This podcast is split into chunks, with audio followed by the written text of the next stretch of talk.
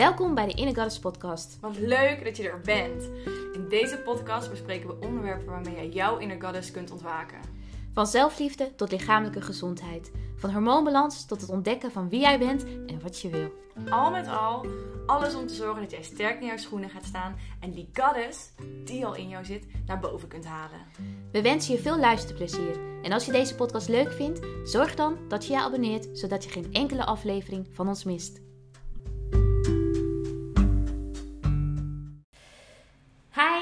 Welkom bij een nieuwe podcast. Wat leuk dat je weer luistert en leuk dat je er bent. Vandaag gaan we het hebben over de menstruatiecyclus. Een onderwerp waar jullie altijd heel veel vragen over hebben. En naar ons idee ook heel veel over willen weten. Dus ja, daar gaan we het vandaag over hebben. Jip, dat is natuurlijk jouw expertise. Mijn expertise. Ja.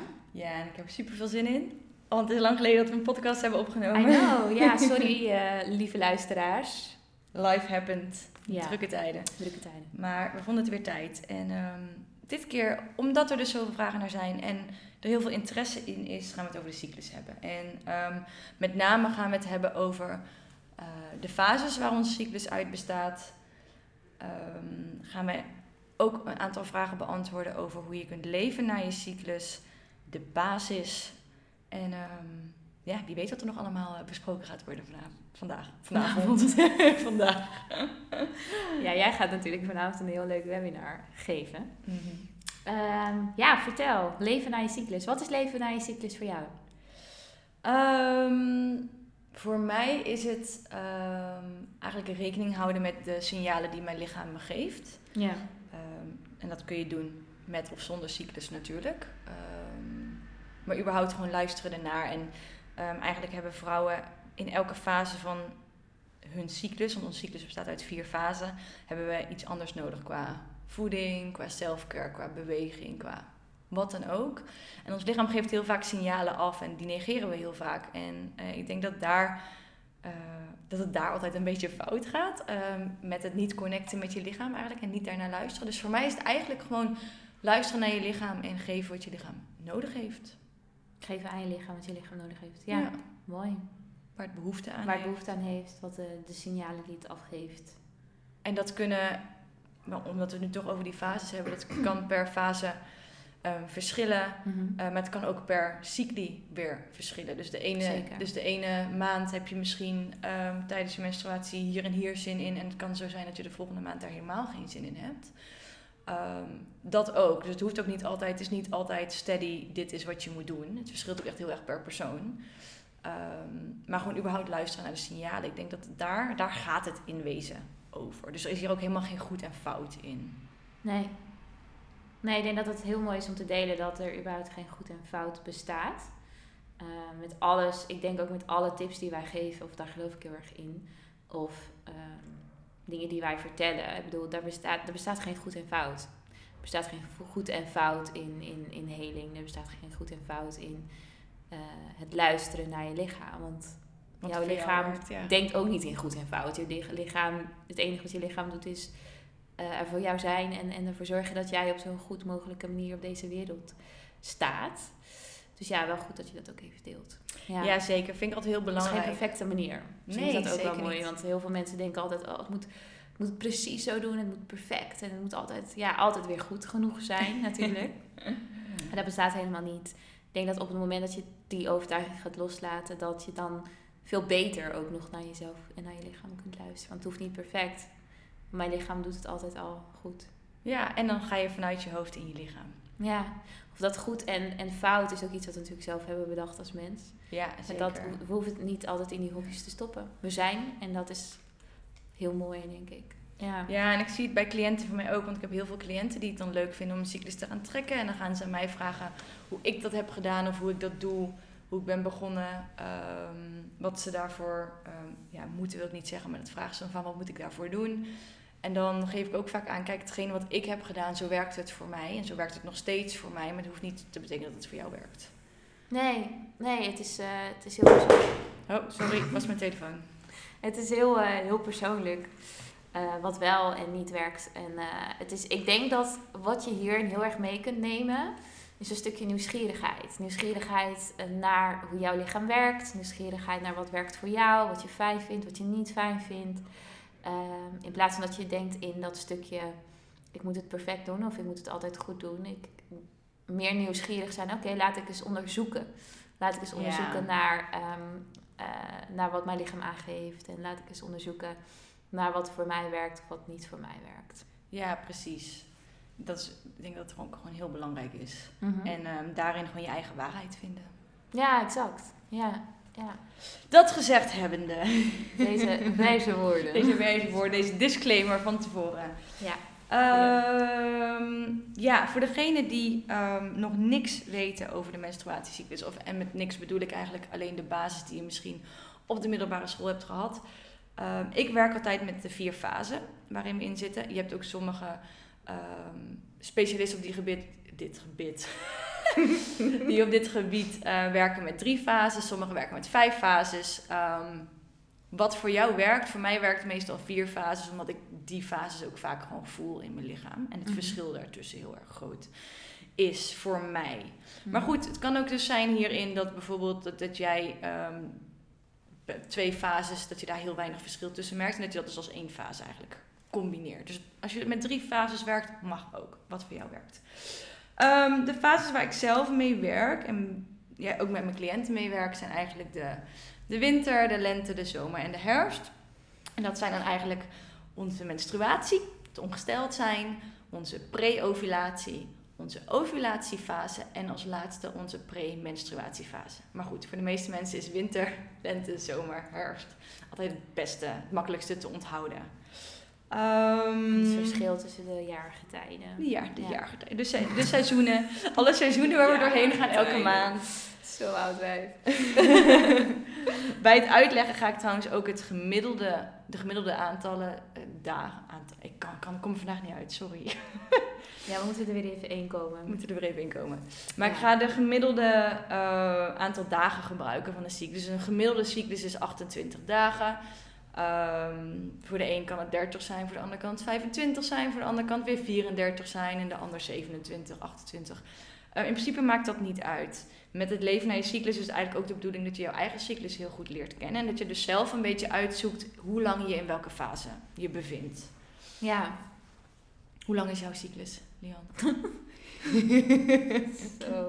Ja, het, het verschilt er een beetje. Ehm, ik heb de laatste tijd echt een hele korte cyclus van 23 dagen. Ja. 22, 23 dagen. Ehm, voor mij, ja, ik weet niet of iedereen die dit luistert dat weet, maar mijn cyclus is nog best wel een dingetje. Ehm, ik heb eh, een grote kans dat ik eh, endometriose heb. En dat is dus dat er eh, weefsel van je baarmoeder in andere organen zit. Dus dat dat buiten je baarmoeder zit.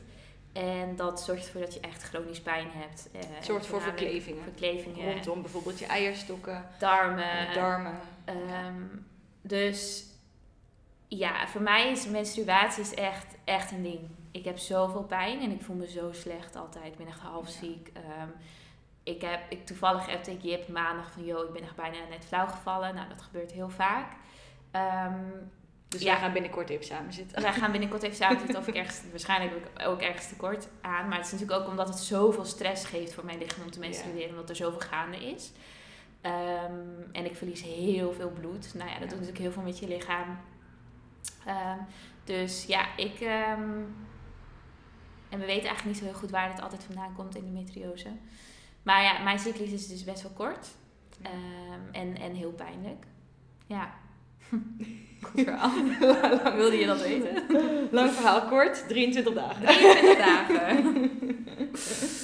De Ehm, mijne zelf is ehm, altijd heel steady geweest. Toen ik de koperspiraal had, was hij 30 dagen. En na de koperspiraal is hij eigenlijk, ehm, nu is hij 27, 28 dagen. Ja.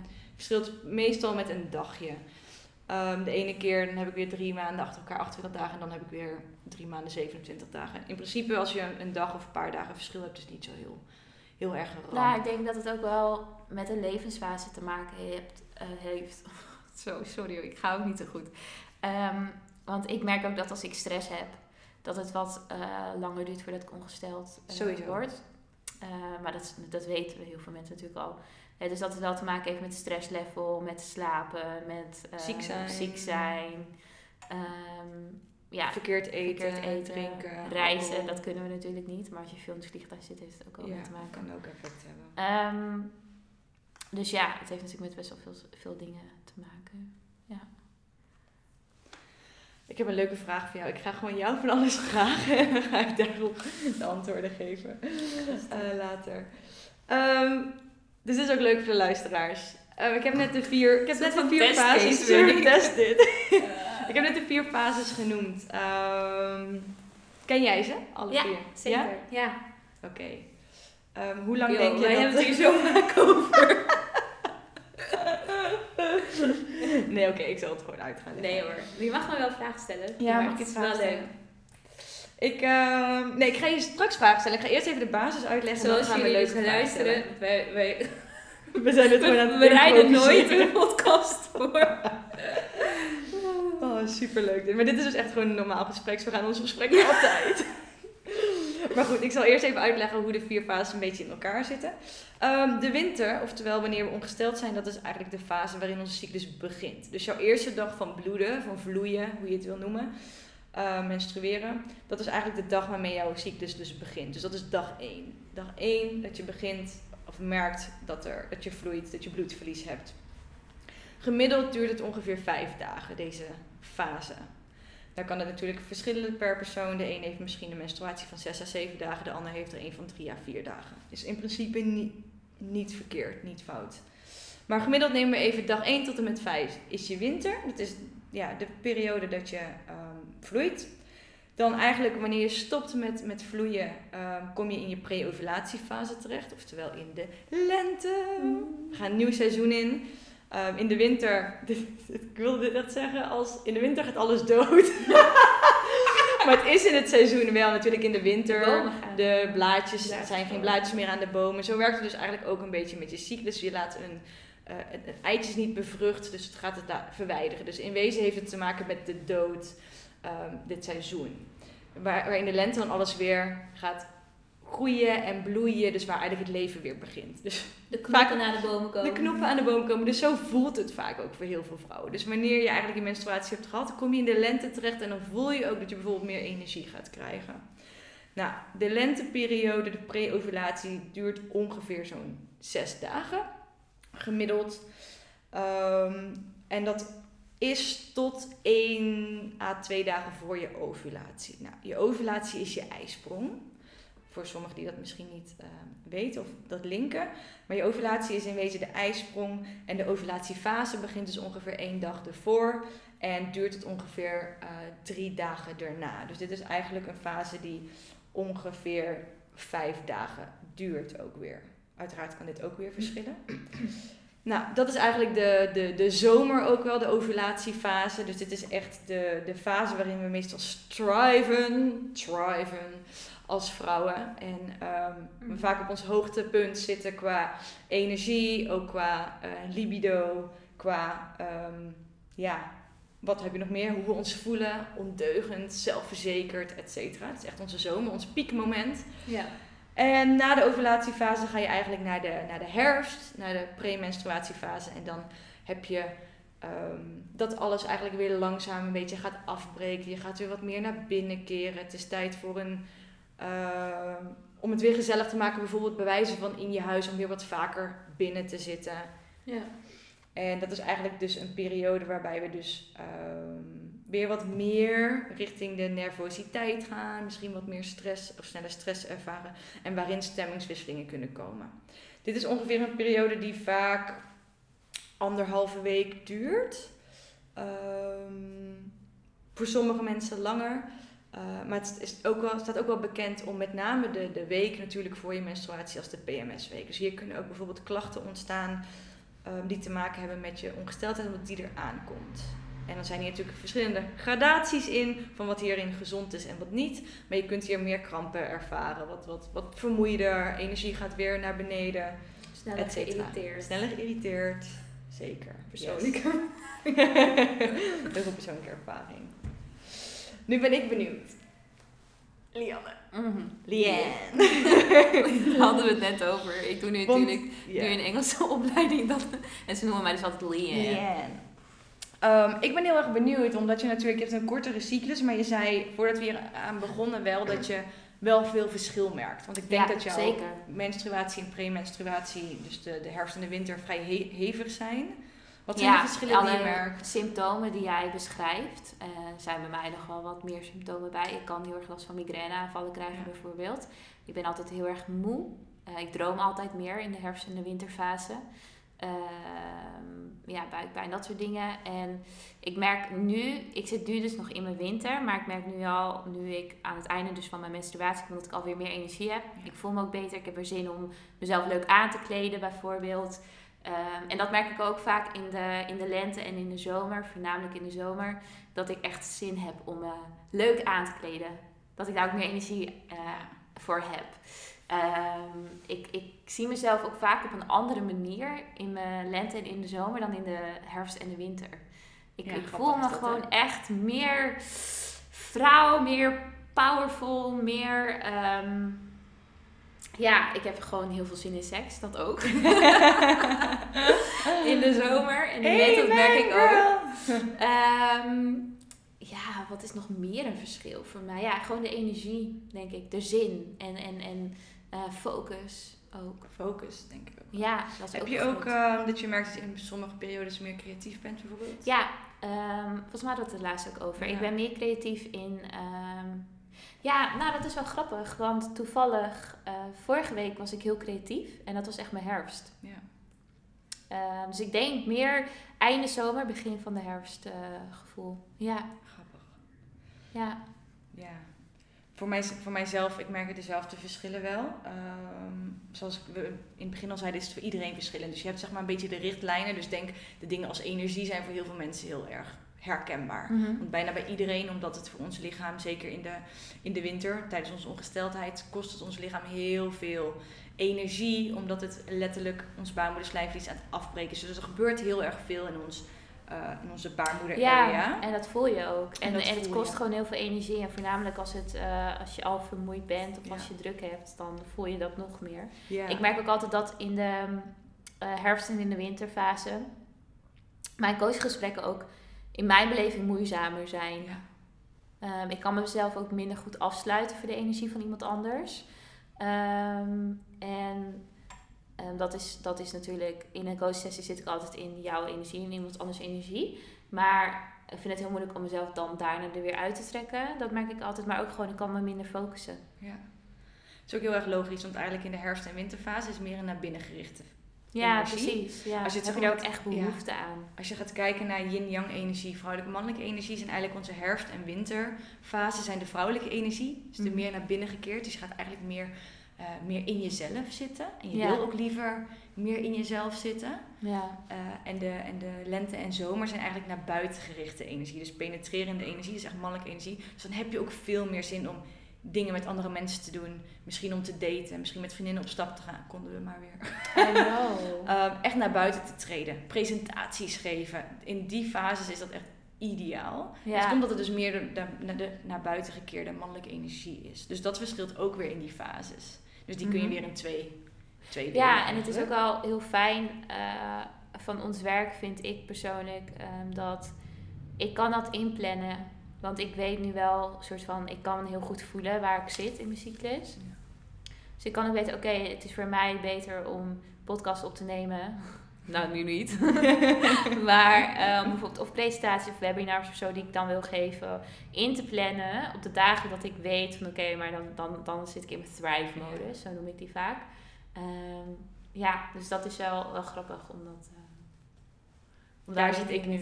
Daarom ook mijn webinar vanavond. Ja, nee, ja, dus, dat, dus het verschilt ook wel echt per persoon. En ehm, ik heb het altijd heel erg vaak over leven. Leven na je cyclus. En Lian zegt net, net al, als je voor jezelf werkt is het wat makkelijker. ja zeker. Ehm, niet altijd. Soms werk je voor jezelf en heb je gewoon heel veel deadlines en heel veel afspraken. En kun je het gewoon niet eh, anders plannen. dat is ook wel. Ehm, maar in principe gaat het, gaat het niet om dat je bijvoorbeeld in de week van je, eh, in je winter, zeg maar, dat je wat meer naar binnen gekeerd bent. Het gaat er in principe niet om dat je heel je leven omgooit.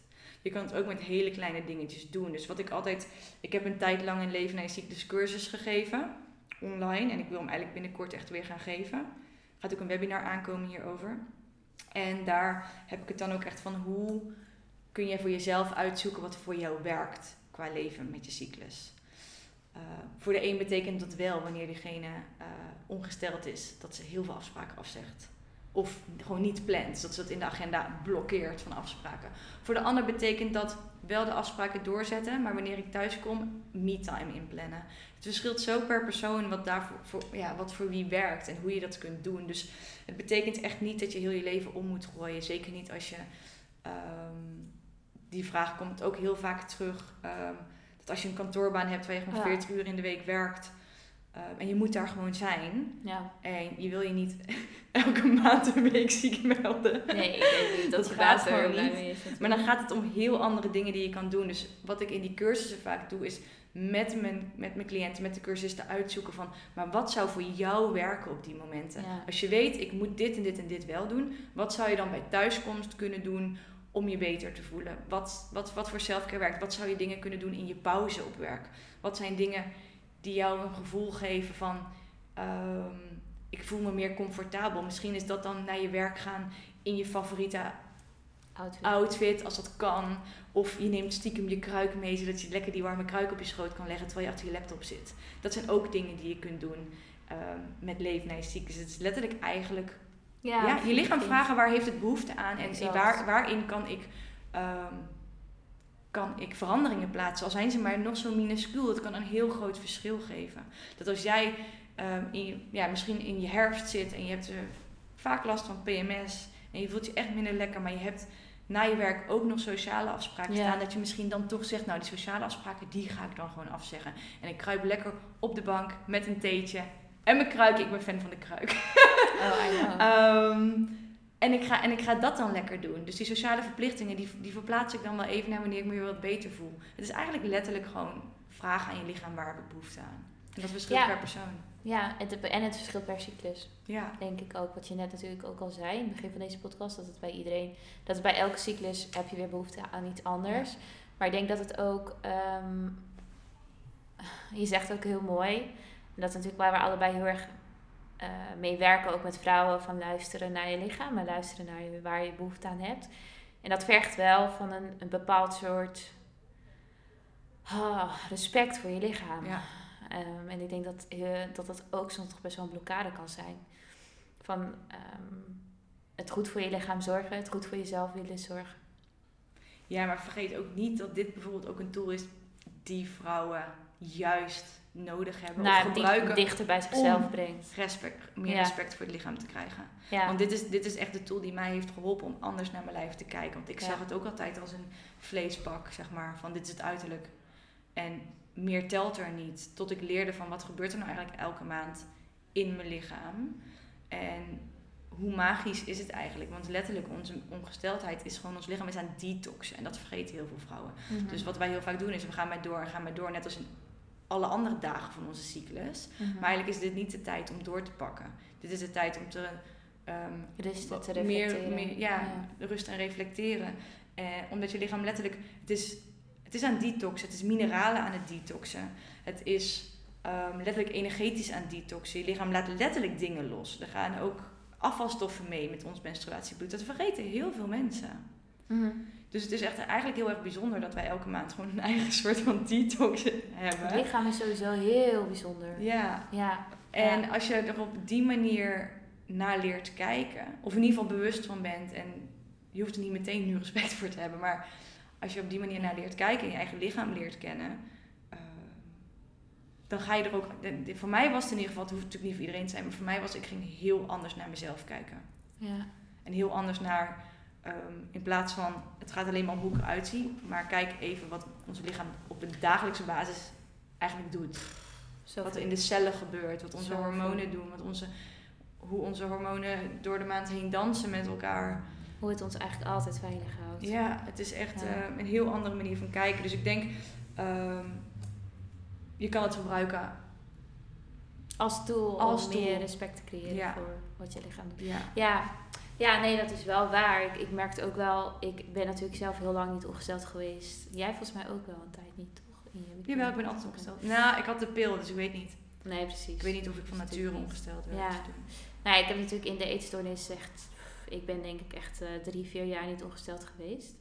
Ehm, en dat boeide mij op dat moment helemaal niet. Maar ik kan me nog wel herinneren dat toen ik weer ongesteld werd... dat ik echt dacht... "Oh, mijn lichaam werkt. Mijn Ja. lichaam doet het. Ja, bizar. Ehm was ook wel weer heel eng, want ik kan me ook nog wel herinneren dat ik dacht, oké, maar nu ben ik dus gezond. Terwijl dat was gewoon natuurlijk bullshit.